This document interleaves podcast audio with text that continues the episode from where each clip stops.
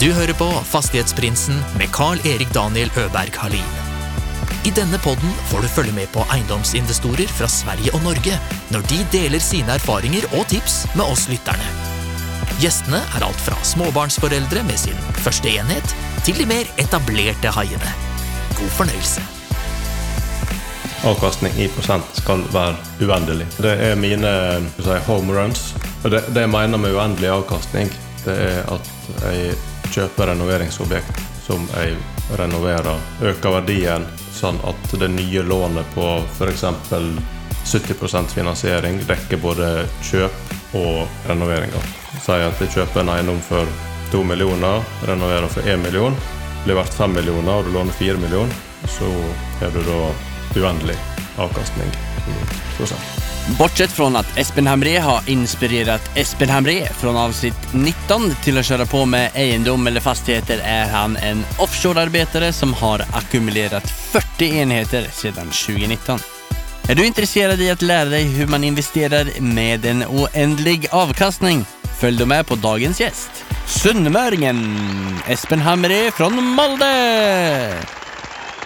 Takk skal du ha, Daniel. Hyggelig å få bli med. Nei, det er veldig hyggelig at du eh, ville være med. Espen Hamre, fra Hvor er det du kommer fra?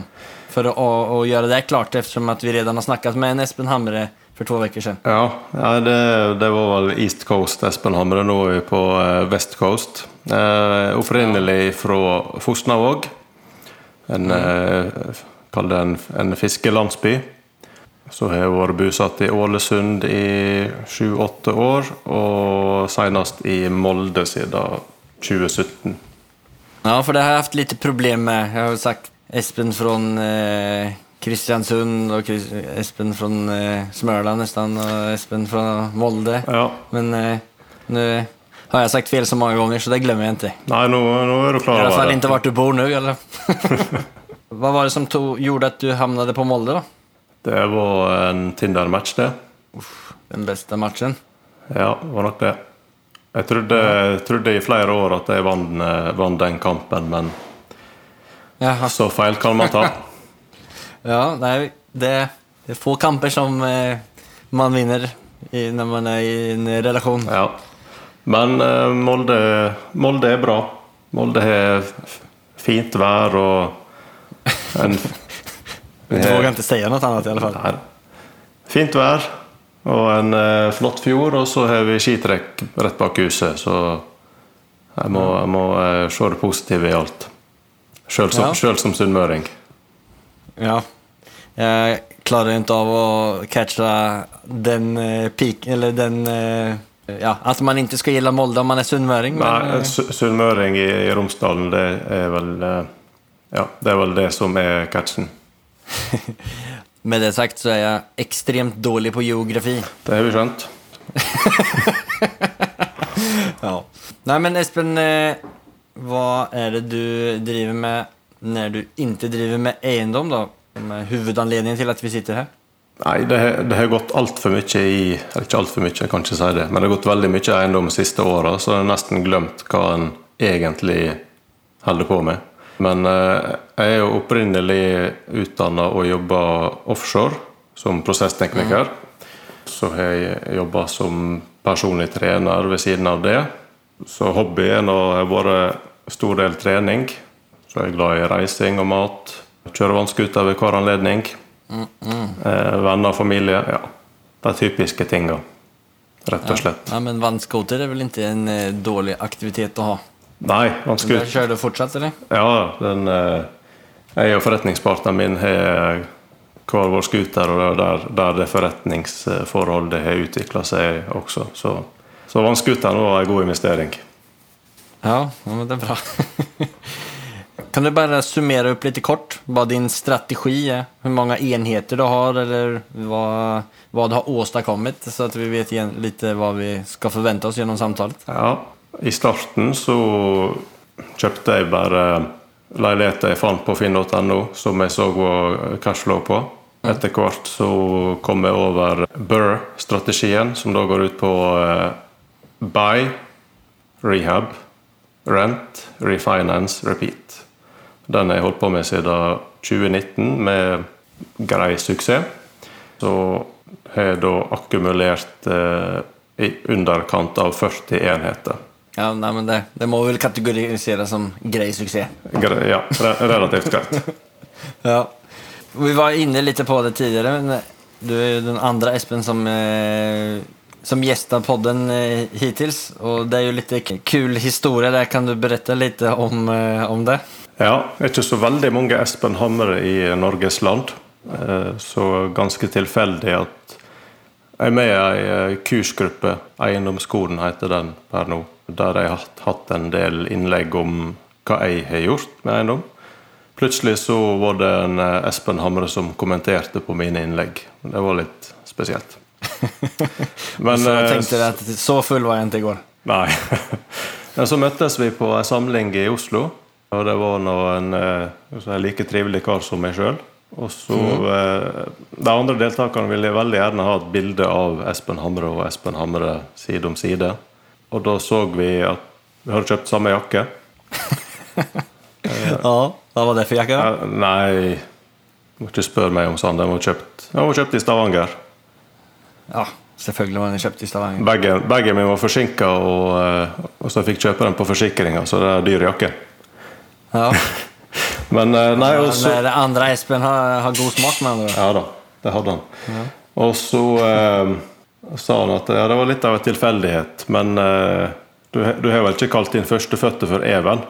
Eh, men jo, min førstefødte heter Even. Og så sporer han hva, hva bil jeg, nei, jeg spør han hva bil han kjører. Han kjører Tesla. Det gjorde jeg også da. Eh, men du har i hvert fall ikke kjørt Audi RS2. Bare for å, å drage litt sånn mer eh, sjelden bil inn i miksen der. Men det hadde han også hatt i løpet av sitt liv. Så ja. tilfeldighetene var, ja, det var litt vanvittig. Nei, det var himla, himla kul. Jeg var jo med i den gruppen også. Og alltid kul å følge de offentlige dialogene mellom Espen Hamre og Espen Hamre. ja, det ser litt spesielt ut. Det er mange som kommenterte at ja, nå svarer han seg sjøl her, ja. Det.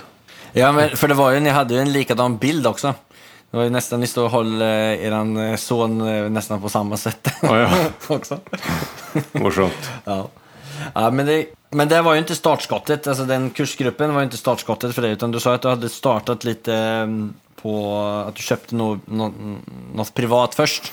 Kan du ta oss tillbaka lite in på hva var startskottet liksom for uh, eiendomssatsingen for deg? Ja, starten var relativt uh, tilfeldig. Jeg uh, hadde drømmejobben offshore i, i, Statoil, så jeg kjente bra. Var ungkar. Skulle kjøpe drømmeleiligheter. Penthouse med boblebar på terrasse og havutsikt i Ålesund sentrum. Og Den var jeg helt sikker på jeg skulle kjøpe. Så jeg la ut min egen leilighet for leie. Fikk napp ganske kjapt. Men jeg ga meg i den budrunden 800 000 over takst. Det er kanskje noe av det smarteste jeg har gjort. Ja. Og da så jeg at eh, ved å leie ut den jeg hadde fra før, så ville jeg eh, tjene 2000-3000 i tillegg til å betjene lån og kostnader per måned. Mm. Mm. Så da droppa jeg å kjøpe den eh, nye fancy til meg sjøl, og kjøpte ei egen utleieleilighet med tre soverom. Så det var egentlig starten på det hele. Mm. Det var i, Hvilket år er det her? da? 2013 var vi da. Hva var det som skjedde etter det? da? Nei, jeg kjøpte jo den leiligheten i mai 2013. Så tok jeg over nøklene og skalv og svetta og livredd for hva jeg nå hadde gjort. Jeg kjøpte en leilighet som jeg ikke skulle bo i sjøl. Ja. Så tok jeg noen bilder, eh, annonserte den på finn.no.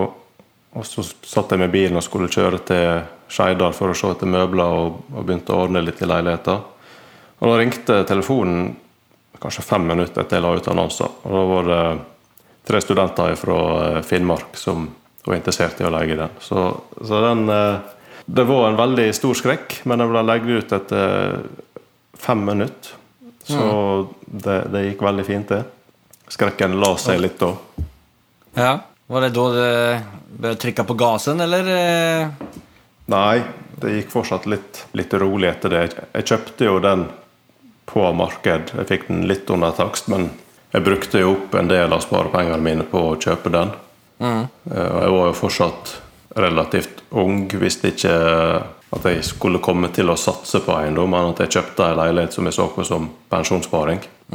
Så jeg fortsetter å leve ungkarslivet, bruke penger og kjøpe dyre biler og, og, og sånn. Men eh, jeg kjøpte en ny leilighet til meg sjøl i 2014, når jeg fikk samboer. Da måtte jeg oppgradere litt. Så ble jo neste utleieenhet Jeg tror jeg kjøpte to stykk i 2015 og ei i 2017, rett før vi flytta til Molde. Okay. Så da ei, ei i 2013, to i 2015 og ei i 2017, hvis jeg ikke tar feil. Og alt det eh, kjøpte du privat? Ja, det var kjøpt privat med 15% egenkapital og et vanlig banklån, som var relativt greit eh, fram til, til 2016, når fem ganger inntekt og de nye, nye reglene der kom. Ja, for de nye reglene, eh, fem ganger inntekt, hadde du blitt stoppet av dem om det hadde, om det hadde vært i dag, eller? Nei, jeg har fokusert Tidligere har fokusert på å maksimere privat inntekt, sånn at jeg ikke ble stoppa av, de reglene. For jeg skal jo tross alt ha et greit hus å bo i sjøl. Hva, er prisene der du investerte i, i de første leilighetene? De leilighetene jeg kjøpte, de var type 1,7 til 2,4. 1,7 til 2,4. Ja. Så si, hva, hva får du for en, en sånn leilighet som, i leie? Får ca. 5000 per soverom. Ja, for du hyr ut dem bare per eh, sovrum. Ja, bortsett fra den, Til- bortsett fra den eh, som jeg hadde personlig sjøl. Det, det er bare ett soverom, så den leier jeg ut for 13,5. Men det er med havutsikt og garasje og, og alle fasiliteter. Eh, men de andre er per soverom, og da er det 5000 per rom. Hva er prisøkningen i Molde og i Ålesund? Jeg vil tro at eh, de jeg kjøpte i type 2013 for 1,7 er verdt 2,3-2,5 i dag. Mm. det, det er ikke noe jeg er fokusert på. Jeg, jeg må ta de tallene med, med en klype salt. Jeg har ikke Nei, Det er ikke min- Hvorfor har du ikke fokusert på det? da? Jeg har alltid sett verdiøkninger som en ren bonus. Jeg leier ut med cashflow og betjener lånet mitt og gir meg penger i, i lomma hver måned. Ålesund, ja. Ålesund, Molde, Møre og Romsdal er ikke det beste verdistigningsområdet som f.eks. Oslo og Trondheim. Mm. Men eh, du har grei, veldig bra leieinntekt per eh, investerte million. Jeg vet ikke om du har hørt den episoden eh, nummer 17 med Pål Resnad? Jeg har hørt på den i går. Ja. Han, eh, han går jo litt imot hva du og de fleste andre i, i denne podden egentlig eh, det var- investerer. Det var akkurat det jeg tenkte. Men Ja. han er jo, som jeg skjønte, en eh, anerkjent eiendomsmegler i Trondheim. Ja. Og slo seg i, i lag med en eh, partner som hadde solgt et selskap. Så De går jo inn med altså 1 million i egenkapital per leilighet. Og hvis de kjøper 80 leiligheter, så vil det si at den parten er ganske rik fra før. Så han har han brukt andre personer sine penger for å gjøre det, og det er jo en veldig fin strategi. Men uh, ganske ulik min strategi. Han kjøper ferdig leiligheter som man kan sikkert få ta over og leie ut med én til to dagers mellomrom. Og når de kjøper en leilighet, så bruker vi to-tre måneder på å totalrenovere før vi kan leie ut. Men jeg tilfører ganske mye mer verdi direkte, mens han satser på verdistigning av markedssvingninger fra han signerer kontrakt i forhåndskjøp til han tar over. Og så kjøper han Ja. sikkert mer enn én enhet og har en god deal med utbygger, sånn at han betaler under annonsert pris. Så det, det er en god strategi, det han holder på med. Men jeg tror den er vanskeligere å skalere på med mindre du har andre folk sine penger i tillegg til banken.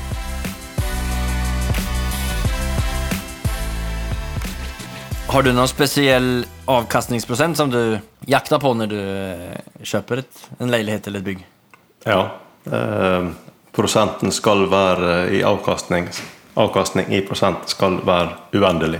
Ok, det, er ditt, det er din ambisjon? Det, det, er, det er mine, mine skal si, home runs. Så mange sånne, eller? Ja. Det er, okay. sist, siste åra så har det vært ganske mange sånne. Og det, det jeg mener med uendelig avkastning, det er at jeg kjøper renoveringsobjekt som jeg renoverer, øker verdien sånn at det nye lånet på f.eks. 70% finansiering dekker både kjøp og re eh, renoveringer. Si at jeg kjøper en eiendom for to millioner, renoverer for én million, blir verdt fem millioner, og du låner fire millioner, så har du da uendelig avkastning i prosent. Mm. Nei, jeg har jo lest om sånne der tillfällen, eh, eller sånne caser, både fra deg og fra andre. Hvor finner man sånne caser? Overalt. Ja. Kan du, kan du guide meg til, til et neste case då? Nej men, hva- men altså, du mener overalt Det, du, du finner dem på Finn? Eller, Alltså på Ja, altså, vanliga annonser eller? Jeg har funnet eh, ni av ti på Finn. Det har jeg. Är det sant? Ja, det er sant. Men noen av dem har ikke vært så åpenbart at de har vært type home run. For eksempel, Nei. for eksempel den første jeg kjøpte etter jeg begynte å satse litt mer profesjonelt, så var den annonsert som en leilighet på 90 kvadrat med eh, disponibelt rom-bod på loftet. Men når jeg da sjekka tegning fra kommunen, så var de bodene på loftet godkjent som soverom. Og det var allerede et kjøkken og et bad på loftet. Som megleren ikke hadde da tatt bilde av eller noe som helst. Så da brukte jeg eh, et par dager på å male opp igjen det kjøkkenet og de eh, bodene. Satt inn nye vinduer og, og friska opp litt. Og så hadde jeg i stedet for bode, så hadde jeg da to separate hybler på loftet. I tillegg til at jeg satte inn et ekstra soverom i leiligheten. Så, så den har vært annonsert som ei treromsleilighet med bod, og ei i realiteten seksromsleilighet. Men var du tvungen å omregulere den Nei. for å få Nei, kallt och så? megler hadde gjort feil. Det var godkjent som soverom på, på loftet. Eh, Ja. så, så det er en type home run. Du, du kjøper noe som megler mener er verdt en pris, og så er den verdt 700 000 mer bare fordi du fant henne soverom på loftet. Ja. Jeg mener at det var Simen Itterjord från episode 13 som eh, också nämnde det at han hadde gjort ganske mange gode kjøp på at av hadde mäklarna hade gjort et mistak. Ja, det Er det bare mängd... eh, Du skal, du skal, gå gjennom veldig mange annonser og så finne noe som du tror kan være da en stor bod eller en større yta eller du kan uh, få plass med et til sovrum eller noe sånt. Tror- det- skapa ekstra värde. Jeg tror det mest vanlige er f.eks. å omregulere en uinnreda kjeller. Og da er det gjerne litt mer åpenbart, men det her var en, eh, en dårlig annonse og en uh, slepphendt megler. Eh, det var to personer på visning. Jeg var en av dem. Så jeg fikk motbud fra noen som heller ikke skjønte at det var soverom på loftet. Det, det hadde jeg heldigvis fanga opp. Så den fikk jeg kjøpt. Eh, også kjøpt en bygård som var annonsert med to enheter, men hadde tre, og vi måtte ta risikoen for lovligheten av den tredje enheten sjøl. Så fant jeg papir fra 1956 der det sto at den kjellerenheten var godkjent som varig opphold om du forsynte med brannhemmende himlingsplater. Og den var jo da bygd med dobbel gips. Den var bygd med dobbel gips før jeg kjøpte. Så det var bare lite pennestrøk med kommuner, så var den godkjent. Det var en verdiøkning på tre millioner. Bare det, pennestrøket. Men da er det en sånn type det, det, det är något sånt som skal til for at du skal kunne kjøpe et bygg for, eller en, leilighet eller et hus for to miljoner og legge inn en miljon og sen kunne få taxering på fem miljoner. Det er eh, Ja, sist- måste det til en skal ska vi si, større godkjent areal, eller utnyttelsesgrad. Ikke nødvendigvis. Det var noen eksempel. Den siste, det siste eksempelet der det kjøpte vi Forrige eier kjøpte det for 4,5. Kosta, Ja. Og så reiv han tredje og fjerde etasje, bytta bordkledning og ordna drenering, så han kosta på det kanskje en million sjøl. Og så kjøpte jeg det i et konkurssalg, så jeg betalte kun 3,5 million. Jeg renoverte for 2 million, så da er jeg oppe i 5,5, og så regulerte om kjelleren og fikk en takst på 8,1. Så da henta jeg ut nesten 3 millioner. Ja. Og det, det var kombinert totalrenovering, veldig godt kjøp, siden forrige eier kjøpte det for en million mer og kosta på. Men jeg kjøpte jo det med, med tredje og fjerde etasje var fullstendig ribba ut. Så det var kun eh, eiendomsinvestorer som bydde. Det, det ser jo ikke så veldig salgbart ut når det er ferdig ribba, så da får du det ganske rimelig. Stort sett. Ja.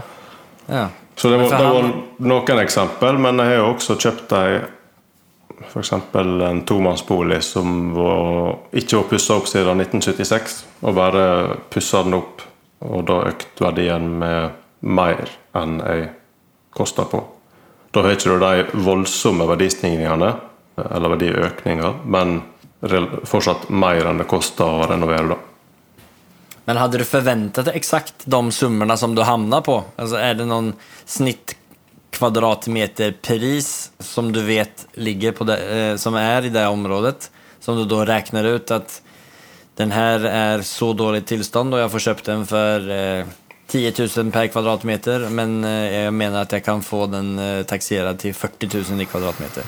Er det så du kommer fram til slutpriset eller hur? Ja, omtrent sånn jeg regner på det når jeg ser på et prosjekt, ja. Men for min del så må jeg også Sånn som det huset som ble verdt 8 millioner, der, der var jeg fornøyd med et lån på 5,5 som var Da dekte det kjøp og alle mine kostnader, så det huset eier jeg for null kroner.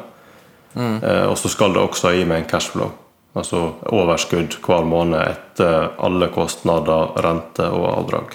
Du skal i tillegg få ut alle penger, så at du bare egentlig sitter med et lån. Ja. Og pengene som, som teoretiskt sett är i dealen är eh, skapade från ingenting. Eller skapade från din... Eh, Ja, det, det, det ja. Kan du si f.eks.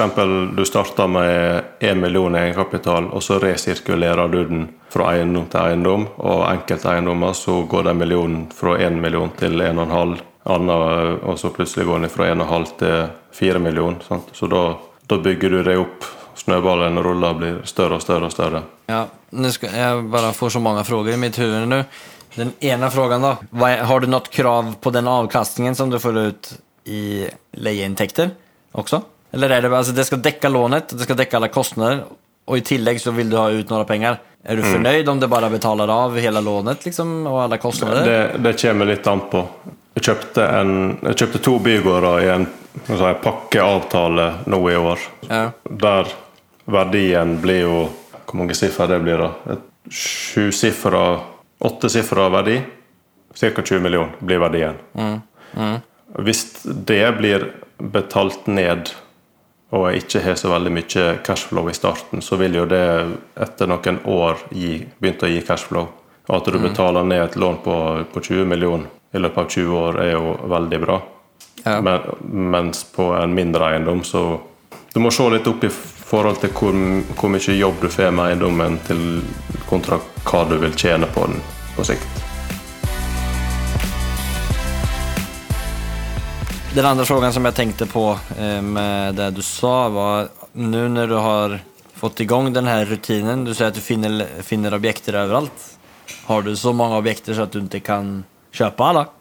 Nei, jeg har vel kjøpt alle Hvor mange många har objekt funnet. har du? Underkant av 40 enheter. Ja, nej, men, jag, Ja. ja. nej, men precis. Men, men jag menar, där vi sitter nu, alltså när du, när Ja. du letar efter objekter, har du utarbetat så bra rutiner och så bra liksom, eh, googles att du kan finna eh, de här dealsen som uppenbarligen inte så många andra kan finna? Att du inte har tillräckligt med kapital? Hur kommer, det, hur kommer de, hur ofta, eller hur ska jag uttrycka men när bestämmer du att du ska köpa ett bygg då? I det, I det siste så har jeg faktisk ikke funnet noe, men vi har vært veldig opptatt med, med de to bygårdene som vi har tatt over i år. Mm. De er på 1800 kvadratmeter, og vi har totalrenovert to, fi- fire, fire, fem I hvert fall 500 kvadratmeter er totalrenovert siden mars. Så jeg har vært relativt opptatt og ikke eh, aktivt leita etter noe nytt. For det, det har jo gått i ett siden 2019. Det, det meste i livet mitt har forandra seg siden da. Jeg er blitt pappa for første gang. Jeg er blitt utslitt for første gang. Så, så jeg, skal, jeg skal prøve å roe ned litt, så jeg er ikke aktivt og leter. Men jeg har stort sett allerede kjøpt både én og to nye enheter før jeg er ferdig med å renovere den, den jeg holder på med. Så det, det har alltid vært tilgjengelig. Hvilken Vilken roll är det du har på det här eh, bygget som du holder på med nå, då?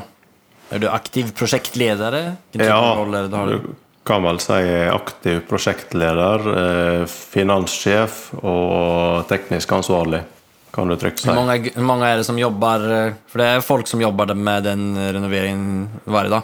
Ja, vi var, eh, vi var ferdig for en uke siden med den siste leiligheten vi har planlagt å renovere i år. I den, de bygårdene. Men det har vært dager der vi har telt mm, 30. 15 forskjellige personer som har jobba på bygget. Mm. Og så skal vi gå i gang med å bytte tak og renovere fasader nå. Er det, er det noen av de arealene som dere har bygd ferdig, som er utleid, eller? Alt. Alt er utleid? 100 utleid. Var det til de samme tre studentene fra Finnmark, eller? Nei, de har vel blitt eh, voksne for lengst, alle tre. Ja. ja. Nei, men det er, fortsatt, det er lett å leie ut? Er det til en bedrift, eller er det, er det leiligheter? Det er begge deler. I de eh, bygårdene så har vi alltid fra hybelleiligheter på typ 30 kvadrat til bofellesskap på 120 kvadrat og næringslokale. okay. Så ja, veldig eh, variert innhold i de, i de byggene. Du nevnte at du, var, att du hadde blitt utslitt for første gang. Er du ute av det eller er du på vei ut av det? Nei, jeg tror jeg gikk på veggen rett før, rett før eh, ungen vår ble født i april 2020. Det, men det var eh, ganske heftig.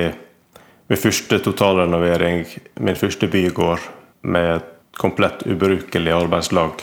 Så der gikk, der gikk jeg sjøl 12-16 timer hver dag og var både stressa fysisk og psykisk. Så der, der tror jeg rett og slett jeg gikk på en, en smell, og så her ble jeg pappa for første gang. Eh, og det, det var jo litt tøft, det også, med en gutt som ikke sov så godt. Nei. Og så fortsatte jeg eiendomsreisa like fort. Så det har gått i ett uten å kunne hente seg inn igjen. Og i tillegg så jobber du vel på plattform eh, i perioder eller? Ja, det har redusert til 50 da, så jeg er en ganske heldig situasjon der. Jeg er ute ei uke, og så er jeg fri i fem uker. Nei, men det forstår jeg. Eller jeg håper at du ikke kommer bort i de håndverkerne som inte gjorde jobbet sitt, så du var tvungen å være der hele tiden. Nei, jeg har ikke sett noe igjen ut av dem, heldigvis. Kan du berette litt om den eh, runden eh, på det huset der? Ja, det var, det var ganske lærerikt eh, på mange måter. Det, så jeg kaller det min eh, seks måneder lange hurtigutdannelse innen eh, renovering, prosjektledelse og, og alt, eh, alt det der. Kjøpte en Men var det ditt første prosjekt som du kjøpte for den uh, Burr-strategin i et selskap? Nei, det var vel min femte av den typen, men det var første bygård, første totalrenovering. det Ja, andre hadde jeg eh, økt P-rom på, satt inn flere soverom osv., men det her var første totalrenovering. Mm. Jeg så på den bygården her første gang jeg tror det var desember 2018. Da lå den for eh, 3,7 millioner. Eh, Og så fant ikke jeg noen som ville renovere den. Jeg fant ingen som ville gi meg en, en pris på det. Så den, den glapp, på en måte. Jeg droppa den. Det var litt skummelt også. Stor bygård. Ja. Eh, Så da ble det fire vanlige leiligheter i mellomtida, og så lå den fortsatt eh, til salgs. Og så så jeg på den en gang til. Jeg hadde litt mer sjøltillit da. Og så tenkte jeg at arbeidsfolk, det, det finner jeg alltids tak i. Jeg la inn et bud på 2,5 millioner. 1,3 under takst Ja. som ble eh, avvist ganske raskt. Eh, Så så jeg på det en gang til, og så gikk jeg opp på, på loftet. Og Der lå en stor plastduk med noe svart eh, seig gugge oppå. Så jeg tenkte det må være rottepiss. Så da ba jeg om å få lov å ha med meg skadedyrkontroll i huset. Og De skjønte ikke helt hva dette, dette var for noe, men de så noen sprekker i fortau sånn som burde burde utbedre, og de ville ville helst ta inn eh, tørkeenhet i kjelleren, for det var delvis råkjeller. Så gikk jeg tilbake til selger og sa basert på skadedyrskontrollens funn, så reduserer jeg budet mitt til 2,35 millioner. Okej. Ga dem en halvtimes frist, og de aksepterte. Oj. Det var en snygg taktikk. Det funka, men det var to brødre som hadde arva eh, pappa sitt firma, og så hadde begge de flytta til Oslo. Ja. Så de skulle selge unna alt de hadde av eiendom i Ålesund. Så jeg tror det, det spilte mye inn da, da når Når jeg hørte snakk om rotter også, da var jeg bare få den vekk. Ja, ok. Ja. Ja, men så det gjelder å ikke gi seg når det handler om å få kjøpt det for et godt pris. Det kan slå begge veier. Den der hadde ligget for salg veldig lenge, så jeg, jeg skjønte at, at jeg hadde gode kort på hånda uansett i, i eh, forhandlinger mot dem. Men det meste annet jeg har kjøpt, har vært i budrunde på. Og Ja. måtte knive av. Det har vært, eh, for de fleste sier jo at det, liksom, de største pengene er ved kjøpet. Så at du, du skaper det meste egenkapitalet til kjøpet. Ja, det, det stemmer 100 Ja. Men det behøver ikke bety at du ikke går over det som selgeren eh, vil ha i pris. Nei, jeg har gått over prisantydning eh, flere ganger. Og lik, likevel har det blitt en, eh, et bra objekt. Ja. Da, men da, er det, da har du gjort en kalkyl i forkant? Jeg har gjort en kalkyl i, på forkant, og så ja, I starten så justerte jeg kalkyler litt fordi jeg hadde veldig lyst til å kjøpe, men det, det har jo gått veldig bra til slutt. Så de verste, dårligste kjøpene der har jeg ikke fått ut igjen all egenkapital, men jeg øh, sitter kanskje med 200 000 igjen i dem. Og det er jo også nesten home run. Ja. Ja. For det der fungerer vel ikke i alle markeder? eller? Jeg tror ikke Oslo er det beste markedet å prøve det på. Da, da må du opp i stor skala. Men f.eks. de to bygårdene som eh, vi kjøpte i år, de hadde hatt eh, så å si null vedlikehold de siste ti åra. Så vi kjøpte de inflasjonsjustert, så betalte vi det samme i 2021 som forrige eier betalte i 2000. Og skulle det fulgt, de eiendommene fulgt normal verdistigning i, eh, i det postnummeret, så ville prisen vært 250% mer enn jeg betalte. Men der må jeg totalrenovere, sant? så vi, bytter, vi renoverer alle boenheter. eh, Bytter tak og fasade. Så vi kommer jo ikke helt opp i den fulle prisen, men vi, vi kommer godt oppover dit. Men da har jeg i hvert fall kjøpt eiendommene veldig billig og, og prøver å holde kostnadene nede på renovering. Levere premiumresultat på de boenhetene vi skal ha, og så prøve å øke ryktet med å bytte ut leietakere til attraktive leietakere som vil tilføre verdi bare med at de er der. Ok, Hvordan gjør du det? Vi har vært ganske heldige med, med leietakere. Det var, opprinnelig var det et galleri som sjelden var åpent. Det hadde kanskje et par arrangement i, i måneden. Eh, Og nå kommer det et eventselskap. Fire-fem gutter som har jobba innen eh, booking og event både i Oslo og Bergen i hele sine Ja. voksne liv. Og så har jeg flytta hjem til Molde for å starte et selskap som heter Mylder. Eh, som da arrangerer forskjellige konserter og, og eh, seminar diverse i, i Molde, og har hovedkontor med oss. Der er også, der er også en, en, et areal på 100 kvadrat der de skal ha intimkonserter og, og forskjellig. Så, Kult. Så det er noe hele Molde setter pris på, og vi setter veldig stor pris på å ha dem i vår bygård òg, for å Ja. trekke, trekke opp imaget til, til vår gamle, slitne bygård som er i ferd med å bli fin. Ja, Nei, men det er jo veldig kul å få være med og bidra på flere ulike sett i, Ja. i samfunnet. Du, men du nevnte jo at du har jo mer enn 40 leietagere, både næring og private. Hvor... Nei, vi har, vi har ca. 40 enheter, men antall leietakere er 109. Det er såpass mange? Ja. ja. Da får jeg enda mer punchline i min, mitt spørsmål. da. Eh, hur gjør du for å administrere alle de leietakerne? For det første, finne dem. Ja, vi annonserer på finn.no og hybel.no. Eh, Ja. Og alle henvendelser må gå via et spørreskjema som jeg lager sjøl i, i eh, Google Forms, heter det vel. Så det er en sånn forhåndsscreening. Før så stilte jeg alle de spørsmålene til hver enkelt som tok kontakt. Ja. Mens nå går det via et skjema. Så bare i 2021 så er det 440 personer som har svart på det skjemaet.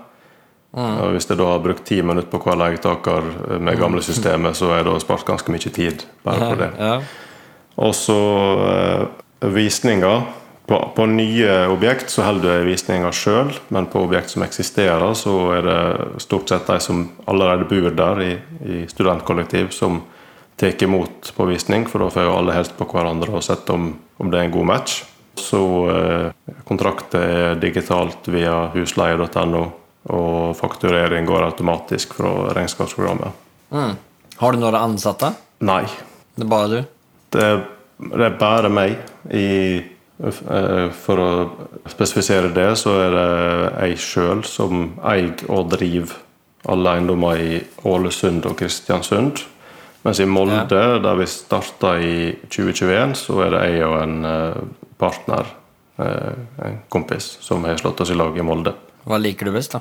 Nei, hva skal jeg si Jeg har hatt smått ensomt å bygge opp for seg sjøl. Jeg sier jeg har- 3000 timer med, med russisk eh, skråstrek litausk språkkurs. Så jeg har gått att med arbeiderne. Men nå med, med partner så er det, ja, det er litt mer eh, sosialt. Du har noen som er like, like genuint interessert som deg sjøl og sparer mot. Vi spiller hverandre god. Har det noe med, har det noe med liksom den, at du har kommet opp til en viss size som du tenker at det bør sette pris på det mer? At det er kollegialt og Ja, ja med, med de kjøpene som vi har gjort i år, så hadde det vært ekstremt tøft alene. Så han, eh, Partneren min han er eh, selger. En eh, fantastisk flink selger. Han kan selge hva som helst, tror jeg. Ja. Eh, Så han tar seg av leietakere og alt det der. Og så har han det, det, den store oversikta. Alt jeg glemmer, det passer han på. Og ellers så Ja. Det, det er en god sparingspartner.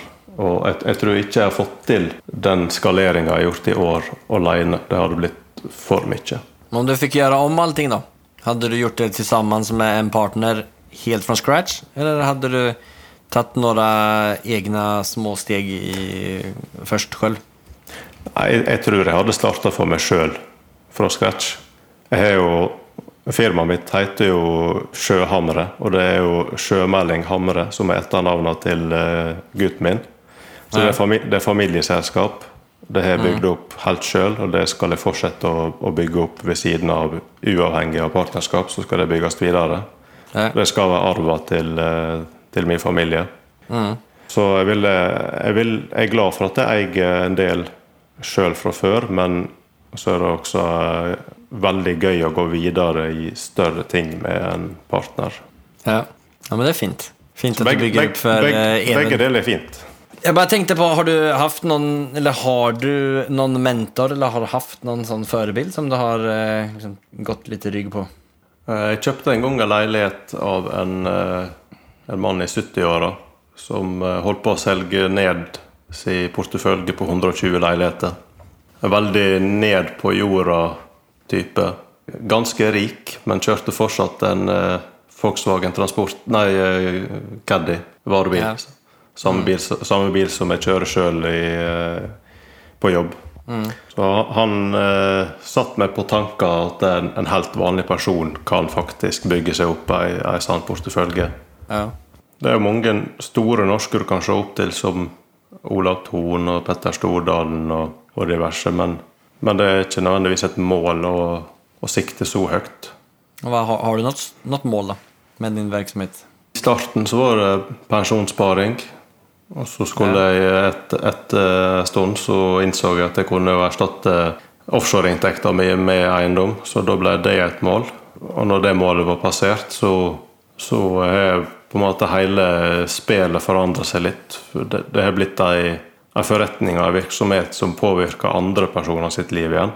Jeg har hatt ansatte, jeg hatt innleide kontraktører over ti stykker samtidig.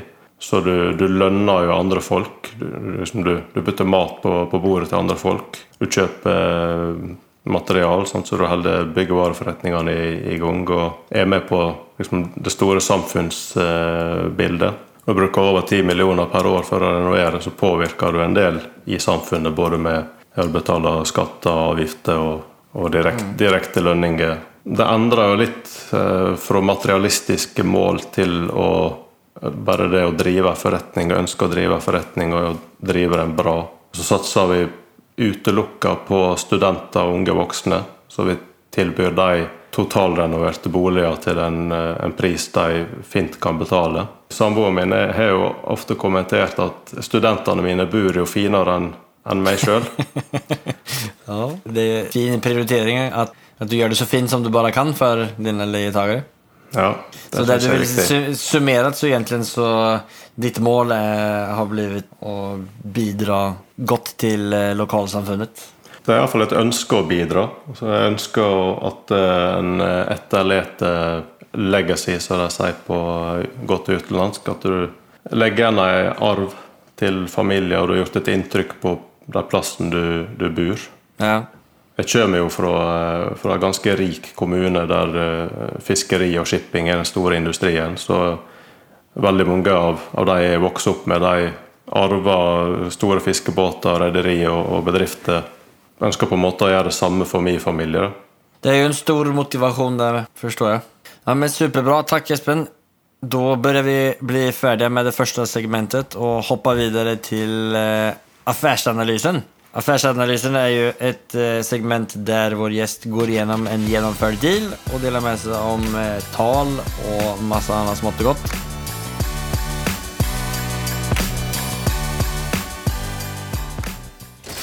It has not been easy for me. And, you know, I, I started off in Brooklyn. My father gave me a small loan of a million dollars. Affärsanalysen. Är det någon speciell deal som eh, du har skrivit upp i din fusklapp? Da får jeg fortelle om eh, Det var en, en byvilla med, med to Eller det, det var tre enheter. I kjelleren var det ferdig innreda. Første etasje var det ferdig innreda. I tredje og fjerde etasje så var det ferdig rivd av forrige eier. Forrige eier har kjøpt det for eh, 4,5 millioner. Og så hadde han bytta bordkledning, ordna drenering og gjort tredje og fjerde etasje klar for renovering. renoveringa. Så han hadde fullstendig rivd tredje og fjerde etasje. Ja, okay. Så det er jo en Han har jo da Selv om han er revet ut fra beboelig til ubeboelig, så har han kosta på eh, kanskje oppimot en million. I, I tillegg til at han kjøpte den for 4,5. Og den eh, fikk jeg kjøpt på konkurssalg for 3,5 million. Og så renoverte vi eh, tredje og fjerde etasje eh, og delvis første etasje for 2 million. Og så fikk vi en takst på, på eh, 5,1 million fordi kjelleren ikke var godkjent som egen boenhet. Men da fant jeg papir fra kommunen fra 1956 der det sto at eh, kjellerenheten var godkjent for varig opphold dersom en forsynte himlingen med brannhemmende plater. Ja, det, var den du nevnte om tidligere. Ja. mm. Den hadde jo dobbel lips, og det hadde vi dokumentasjon på. ja. Så da var det egentlig bare et pennestrøk med kommunen. Så gikk verdien opp fra 5,1 til 8 millioner. Var det et fysisk papper som du fant, eller var det i noe arkiv hos kommunen? Som du Det fant? var i arkiv hos kommunen, ja. Ja, Altså, det er et hett tips. Bare hente ut alt om eiendommen fra kommunen och börja Ja. lete. En god megler som hjalp oss eh, på riktig spor. Ja. det, for det var et, et typisk hus i den byen. Typisk at det var, faktisk var godkjent ombygd tidligere, men at det ikke var riktig hos kommunen fordi det skjedde før digitalarkiv. Så der ble det veldig mye bedre enn forutsett, for, fordi vi fikk godkjent den eh, kjellerenheten også. For det hadde ni ikke regnet med egentlig? Nei, Nei. det hadde ikke vi regna med. Det, det, det var en, en grei deal uansett. Ja. Og det er helt typisk å leie ut en ikke godkjent kjeller i, i det området, så vi tok på en måte den sjansen. Ja. Eh, Men så ble det en så mye bedre verdi på, på eiendommen eh, når vi fikk til dette der. Ja. Så vi, vi kjøpte den for 3,4. Kosta på 2 millioner, så da er vi på 5,4. Fikk vi en verdi på 8,1, og så er det utleid for 48 000. I måneden. Ja. Så eh, det betaler ned lånet på 20 år og en cashflow på ca. 10 000. Det er ikke dumt det. Ikke dumt. Och du har hämtat ut alla pengar ur den, ur den dealen. Den meg null kroner. Nej, det, må man väl säga är en väldigt bra deal och den strategin är ju helt magisk. Så den, eh, jag vill nästan eh, hyra in dig i eh, en dag och sitta och eh, scrolla. Det, det er det mange som, mange som eh. Ja. Sitter på, på jobb i Nordsjøen, så lærlingen på, på skiftet mitt han kommer inn en, en gang eller to per tur og spør om jeg kan se gjennom et par eiendommer for henne. Ja. Er det noen tjenest som du tilbyr? Nei, jeg, jeg var så vidt borti og siden jeg har vært personlig trener, så har jeg litt i meg å hjelpe andre. Så jeg var så vidt borti det, men tida strekker ikke til. Jeg, jeg har for mange baller i lufta sjøl som tilfører meg større verdier enn å ta betalt for å Ja. hjelpe andre. Så det, per nå gjør jeg ikke det. Ja. Nei, du må passe på det også. Så det, pass Men på det- dig och... Jeg gir jo alltid vekk gode råd til, til de som, eh, som spør, dersom jeg har tid. Ja. Ik ikke hvis noen sender melding til meg på Facebook, da har jeg ikke tid. Men hvis jeg møter på noen, så holder holder ikke jeg tilbake når vi snakker om eiendom. Nei. Nei. Eiendom skal vi litt mye om. Ja, Det er viktig. Då springer vi videre til eh, neste segment som er fyra frågor.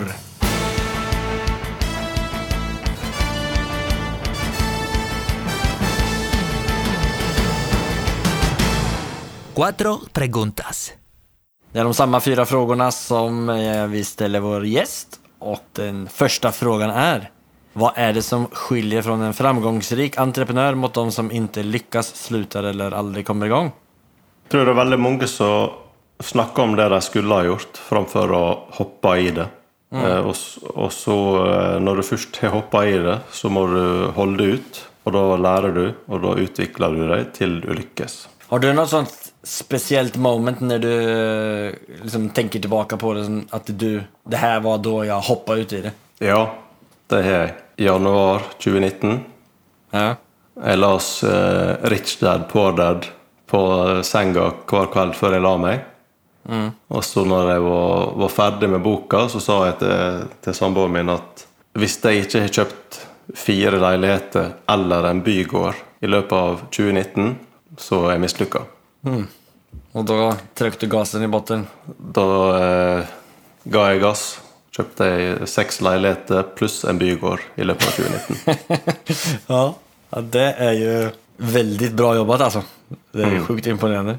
Väldigt stor creds. Det är ju nästan så jag vill hoppa vidare till eh, den sista frågan. Men eh, den andra frågan då. Om du hade obegränsat med pengar och fick köpa vilken fastighet som helst i världen, vilken hade det varit? Første jeg eh, tenker er at det er en mansion i LA, oppe i fjellene med infinity pool og utsikt over byen. Fordi mm. California og Los Angeles er paradis på, på jord, for min del. Eh, Men jeg drømmer jo også veldig høytsvevende drømmer, åpenbart. Men eh, en dag eier hotell eller kjøpesenter. Ja. Har du noe kult namn for hva de skal hete? eller? Nei, Jeg tar sammen med mora mi at jeg skal kalle det opp etter henne. Ja, hva, heter, tror- jag heter, tror- heter hon? Jeg tror ikke det kommer til å klinge bra. Nå mottar vi tips på eh, Espens hotell og sentersatsing, Då. Har du et bra boktips for den som er interessert av fastigheter? Eh, Som jeg var inne på før, Rich Dad Poor Dad. Selv om nesten alle nevner den boka, så det burde vært pensum i ungdomsskolen. Det er en veldig bra mindset-bok. Jeg, jeg Ja, føler jeg er helt tilfør, enig med deg. tilfør litt mer, så eh, Bigger Pockets er en bokserie som går litt mer direkte på eiendomsinvesteringer, spesielt for nybegynnere. Ja. Er selvfølgelig fokusert mot det amerikanske eh, markedet og, og, og, sånn, men fortsatt mye lærdom å hente ut der hvis du ikke allerede er kommet godt i gang med eiendom. Og så er det 10X av Grant Cardone, eller Retire Young, Retire Rich av Kiyosaki, som er veldig gode bøker for mindset. ja, men veldig bra tips. Så, sista fjärde frågan. Kan du nämna det mest storartade, roliga eller minnesvärda sättet som du har firat en genomförd affär på? Nei, min, mine berømte ord hjemme det er at når dette her går i orden, da skal vi smette champagne. Men så har det, det alltid blitt at jeg har kjøpt eh, både ett og to nytt prosjekt før en er ferdig med, med det en holder på med. Så, Så feiringa den eh, har vi til gode å ta enda. Champagnen er verken kjøpt inn eller, eller klar for spretting. Så det må vi eh, bli flinkere på. Ja, Ja, vi er blitt, ja, men det skal vi... eh, blitt veldig mye flinkere til å unne oss litt i, i livet og hverdagen. Som å kjøpe oss nytt hus uten utleie i kjelleren. Ja, nei, men du har vel nok med 130 pluss leietagere, så kan du vel få unna deg litt fri fra leietagere. Ja, det var akkurat det vi fant ut. Ja men det, det är fint. Lite skotertur, lite fri från eh, lejetagare. Vannskuter er, er fint avbrekk. Ja men det är bra. Hva vad blir nästa stora mål då? Som, har du något stort mål eller noe någon nästa punkt som gör att du kjenner känner att den, skal här gången ska jag fira? Eh, ja, eller jeg en liten eh, milepæl til som skal komme i orden i år, og da, da skal det feires. Det, på de to bygårdene vi, vi holder på med, så eh, har vi signert kontrakt for å bytte tak. Og så har ikke kontraktøren møtt opp, og så viser det seg at eh, etter ferien så mangler han sju arbeidere. Men ni har signert kontrakt men han har Ja, inte vi- nog med folk. Riktig. Vi har signert kontrakt på bytte av tak. Og eh, så har han ikke fått tilbake sine utenlandske arbeidere etter ferien. Okay. Så der, der står jeg litt av knipe, så jeg prøver, å- prøver hardt å løse om dagen. Ja, Og det her Og var det- i Molde. Det er Molde. Så når det går i orden, da, da spretter vi korka. Ja. ja, men det skal jeg holde litt til gode for. Og om det er noen eh, som har kapasitet og lyst til å hjelpe Espen i Molde på å bytte dette taket så kan jeg vel ikke understryke at man skal ta kontakt. Kontaktuppgifterna ligger i beskrivelsen på podcasten. Ja, vi trenger to, to til fire arbeidere som, som er snekkere og, og eh, erfaring med å bytte tak. Men, men jeg har jeg har et par alternativ på handa, så det går nok i orden. Ja, tviler jeg vel ikke egentlig på at du får til det der. har du noe siste tips til alle nye investerere? Les fem til ti bøker om eiendomsinvestering og mindset, som Rich der på der boka. Og så må du finne en strategi som passer for deg og området du bor i. Og så må du komme i gang. Og når du kommer i gang, så må du fortsette og fortsette og fortsette. Nei, aldri gi opp. Ikke gi opp. Veldig bra avslutning der, Espen. Er det noen annen som du vil komme i kontakt med før vi gir oss? Noen deal du ser på eller noe annet du ville sagt? Jeg tror, jeg tror det er når en, når en deler litt det en styrer med, og, og, og folk ser hva du får til, og sånn, så, så kommer du i kontakt med dem og meninger du skal komme i kontakt med. Så jeg skal ikke prøve å oppsøke verken Olav Thon eller eh, Petter Stordalen, men De kommer til deg når de har lyssnat på denne podden. Olav Thon, jeg skal kjøpe Roseby av deg i Molde. Det går fint. Du kan ta på seg den. Ja, kan ta over den. Ja. Det hoppas jeg at du får gjort. Og Olav, det, det bare å gi slipp av den. Supert. Nei, men takk så jättemycket Espen än, en, en gång. Tusen takk for at du var med Espen. Takk for at jeg fikk- bli med. Det var eh, en utfordring for meg å stille opp på noe, på noe sånt som det her, men jeg tok vel utfordringa på eh, delvis bøgd arm og kom oss gjennom. Så det var, det var greit. Jeg greit. du klarer det med bravur. Det var veldig mye nyttig, og det har vært superkul å prate med deg. Takk likeså. Tusen takk for det Espen. Sjøl takk. Ha det bra.